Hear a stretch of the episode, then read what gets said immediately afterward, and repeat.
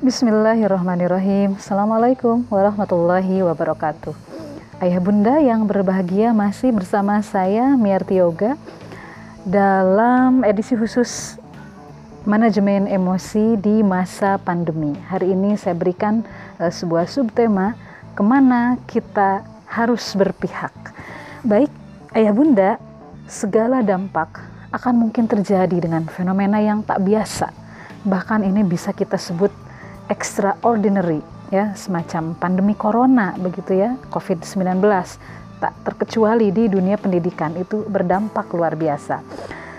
Sebagai contoh adalah dengan hebohnya sebaran screenshot ya terkait unek-unek orang tua atas keriuhan ya mereka menghadapi tugas anak-anaknya di masa pandemi ya tentu saja.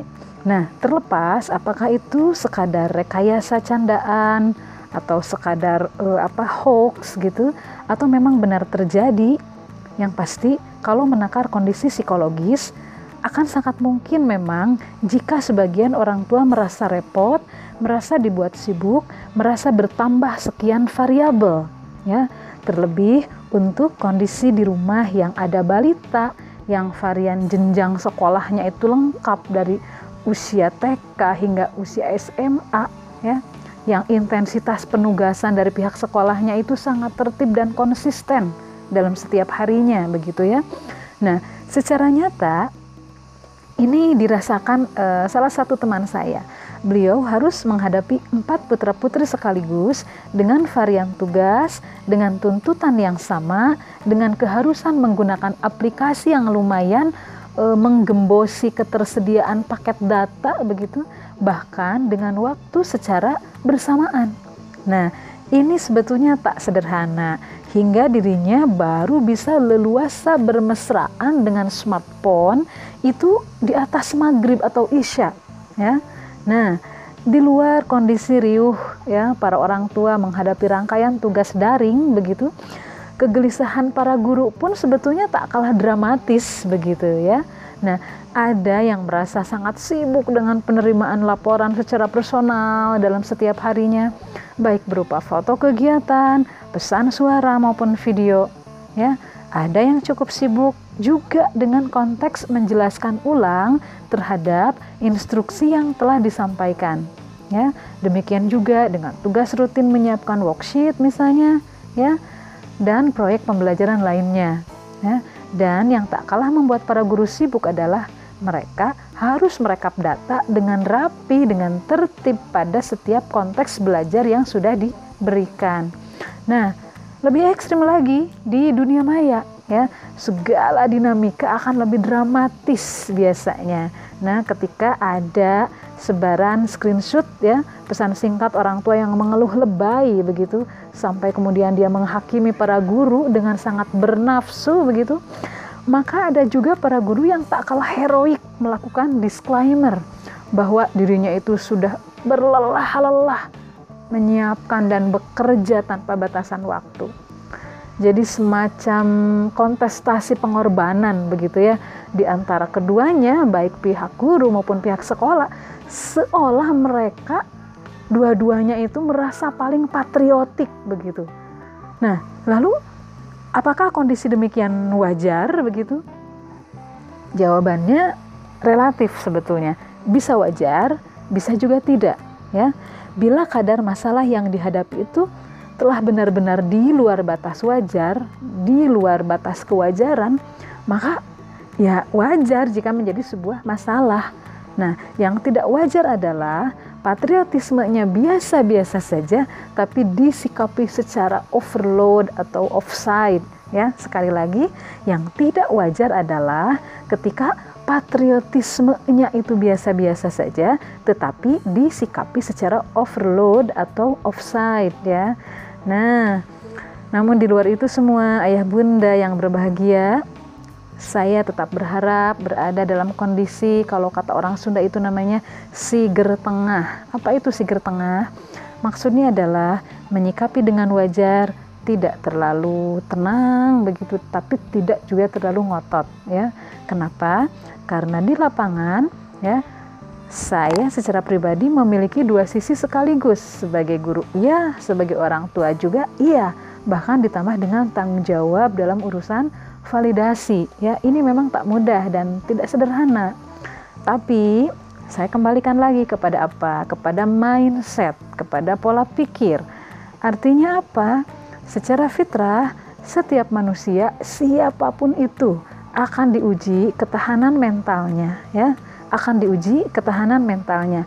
Salah satunya melalui keterbatasan, baik keterbatasan ruang maupun keterbatasan kondisi, termasuk kondisi dampak persebaran COVID-19 seperti sekarang ini ya. Namun fitrahnya lagi justru kita dituntut untuk menciptakan kreativitas, termasuk kreativitas mindset ya. Nah, saya pribadi sebagai ibu dari tiga orang anak dalam kondisi lockdown memang ya bikin baper begitu. Si sulung ya usia SMP terus berkutat dengan tugas standby di depan komputer dan sesekali bersepeda dengan tergesa ke warung gitu untuk sekadar membeli variabel yang diharuskan berdasarkan instruksi dari tugas yang ada. Nah, bahkan posisinya nyaris bersemedi begitu, alias yang malam ya nguyek aja gitu diam aja di depan meja belajar meski saya terdampak atas uh, riuh atau riuh uh, dirinya menghadapi belajar daring saya tetap ambil poin-poin yang harus disyukuri. Misalnya dengan tipikalnya yang tak banyak bicara dan mandiri menyelesaikan ini itu setidaknya berkurang beban saya untuk membantu secara teknis dan detail ya. Nah pun anak yang kedua. Nih, ini anak perempuan, gadis kelas 4, dia semangat sekali mengerjakan tugas. Tetapi sebagai anak eh, yang ekspresif ya, di mana segala sesuatu itu diceritakan, ditanyakan gitu. Dalam satu hari itu selang beberapa menit saja terus menghampiri saya dan bapaknya untuk minta asistensi ya. Bahkan untuk sekadar bertanya yang kadang-kadang tak penting begitu ya. Uniknya lagi si anak kedua ini mengerjakan tugasnya relatif unlimited. Jadi dari pagi di jeda baca buku, kemudian dia nugas lagi, di jeda tilawah, nugas lagi, ya, dan seterusnya. Nah, lain lagi dengan si bungsu baru usia 2 tahun 4 bulan, belum sekolah, namun cukup menjadi insan yang terdampak sebetulnya. Mati gaya tentu saja. Cemburu dengan pekerjaan orang tua, wow, itu jangan ditanya.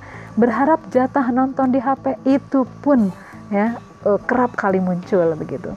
Tetapi pada akhirnya itu semua tetap menjadi seni ya meski tarik nafas gitu ya nafas panjang tetap tak terhindarkan.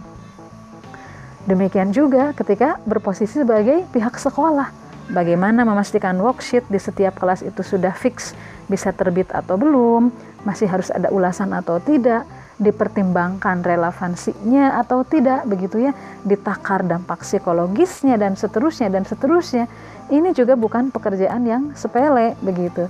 Bahkan uh, eh, WFH itu sendiri work from home itu sendiri secara pribadi bagi saya benar-benar berdampak pada tak terbatasnya waktu gitu. Maksudnya dari mulai bangun hingga hendak tidur lagi ada saja pesan-pesan atau hal-hal untuk dikoordinasikan yang memang harus ditanggapi yang memang urgen begitu dan untuk perangkat perangnya itu sendiri ya mulai dari tablet, laptop hingga tripod saya biarkan standby di meja dapur untuk apa? Untuk menyiasati tidak terjadinya ya hal-hal dinamika perdapuran seperti kegosongan ya atau apa, eh, pasakan yang kekurangan bumbu dan seterusnya begitu Nah, jadi untuk memudahkan menyeduh susu si bungsu juga untuk memudahkan menyiapkan air panas begitu ya. Nah, jadi intinya bagaimana ini diupayakan untuk bisa kita sederhanakan. Belum lagi dengan paket data yang hanya bertahan untuk berapa waktu saja begitu ya. Sebagai sebagai apa namanya uh, pemakai uh, jasa provider dengan biaya cukup uh, di atas provider lain begitu. Saya cukup boros begitu. Tapi saya berpikir sudahlah, toh tanpa kondisi WFH sekalipun toh sudah biasa melayani kuliah-kuliah WhatsApp di mana saya harus standby begitu dengan WhatsApp web begitu ya. Jadi lagi-lagi ini sebuah nikmat yang kemudian tak perlu disesali. anggap beres titik begitu ya tetapi ayah bunda ya sebagai seorang uh, yang sehari-harinya memang nyambi sebagai uh, apa uh, kuli online begitu maka saya hadapi konteks WFH ini sebagai hal yang tak perlu didramatisir. Kenapa tak perlu didramatisir? Karena untuk urusan uh, menulis buku begitu ya untuk hal-hal yang lain menyelesaikan naskah gitu ya. Nah itu memang dari awal tak ada satu naskah pun yang digarap secara tatap muka. Proses asistensi dan pengeditan dilakukan secara daring bahkan ya cukup jadi komedi begitu terjadi pada akhir Januari eh, 2020 begitu di mana saya lima tahun berhubungan dengan seseorang yang mengurusi semua naskah perjanjian, eh, apa, perjanjian naskah begitu. Benar-benar baru bertemu muka di awal tahun 2020 jadi artinya sudahlah biarlah crowded crowded yang ada dalam keseharian kita ya. Sebelum masa lockdown itu menjadi pijakan dan bekal kekuatan untuk kita menghadapi kekagetan saat ini. Allahumma yassir li walatu asir. Semoga Allah senantiasa memudahkan urusan kita. Terima kasih banyak atas perhatiannya. Assalamualaikum warahmatullahi wabarakatuh.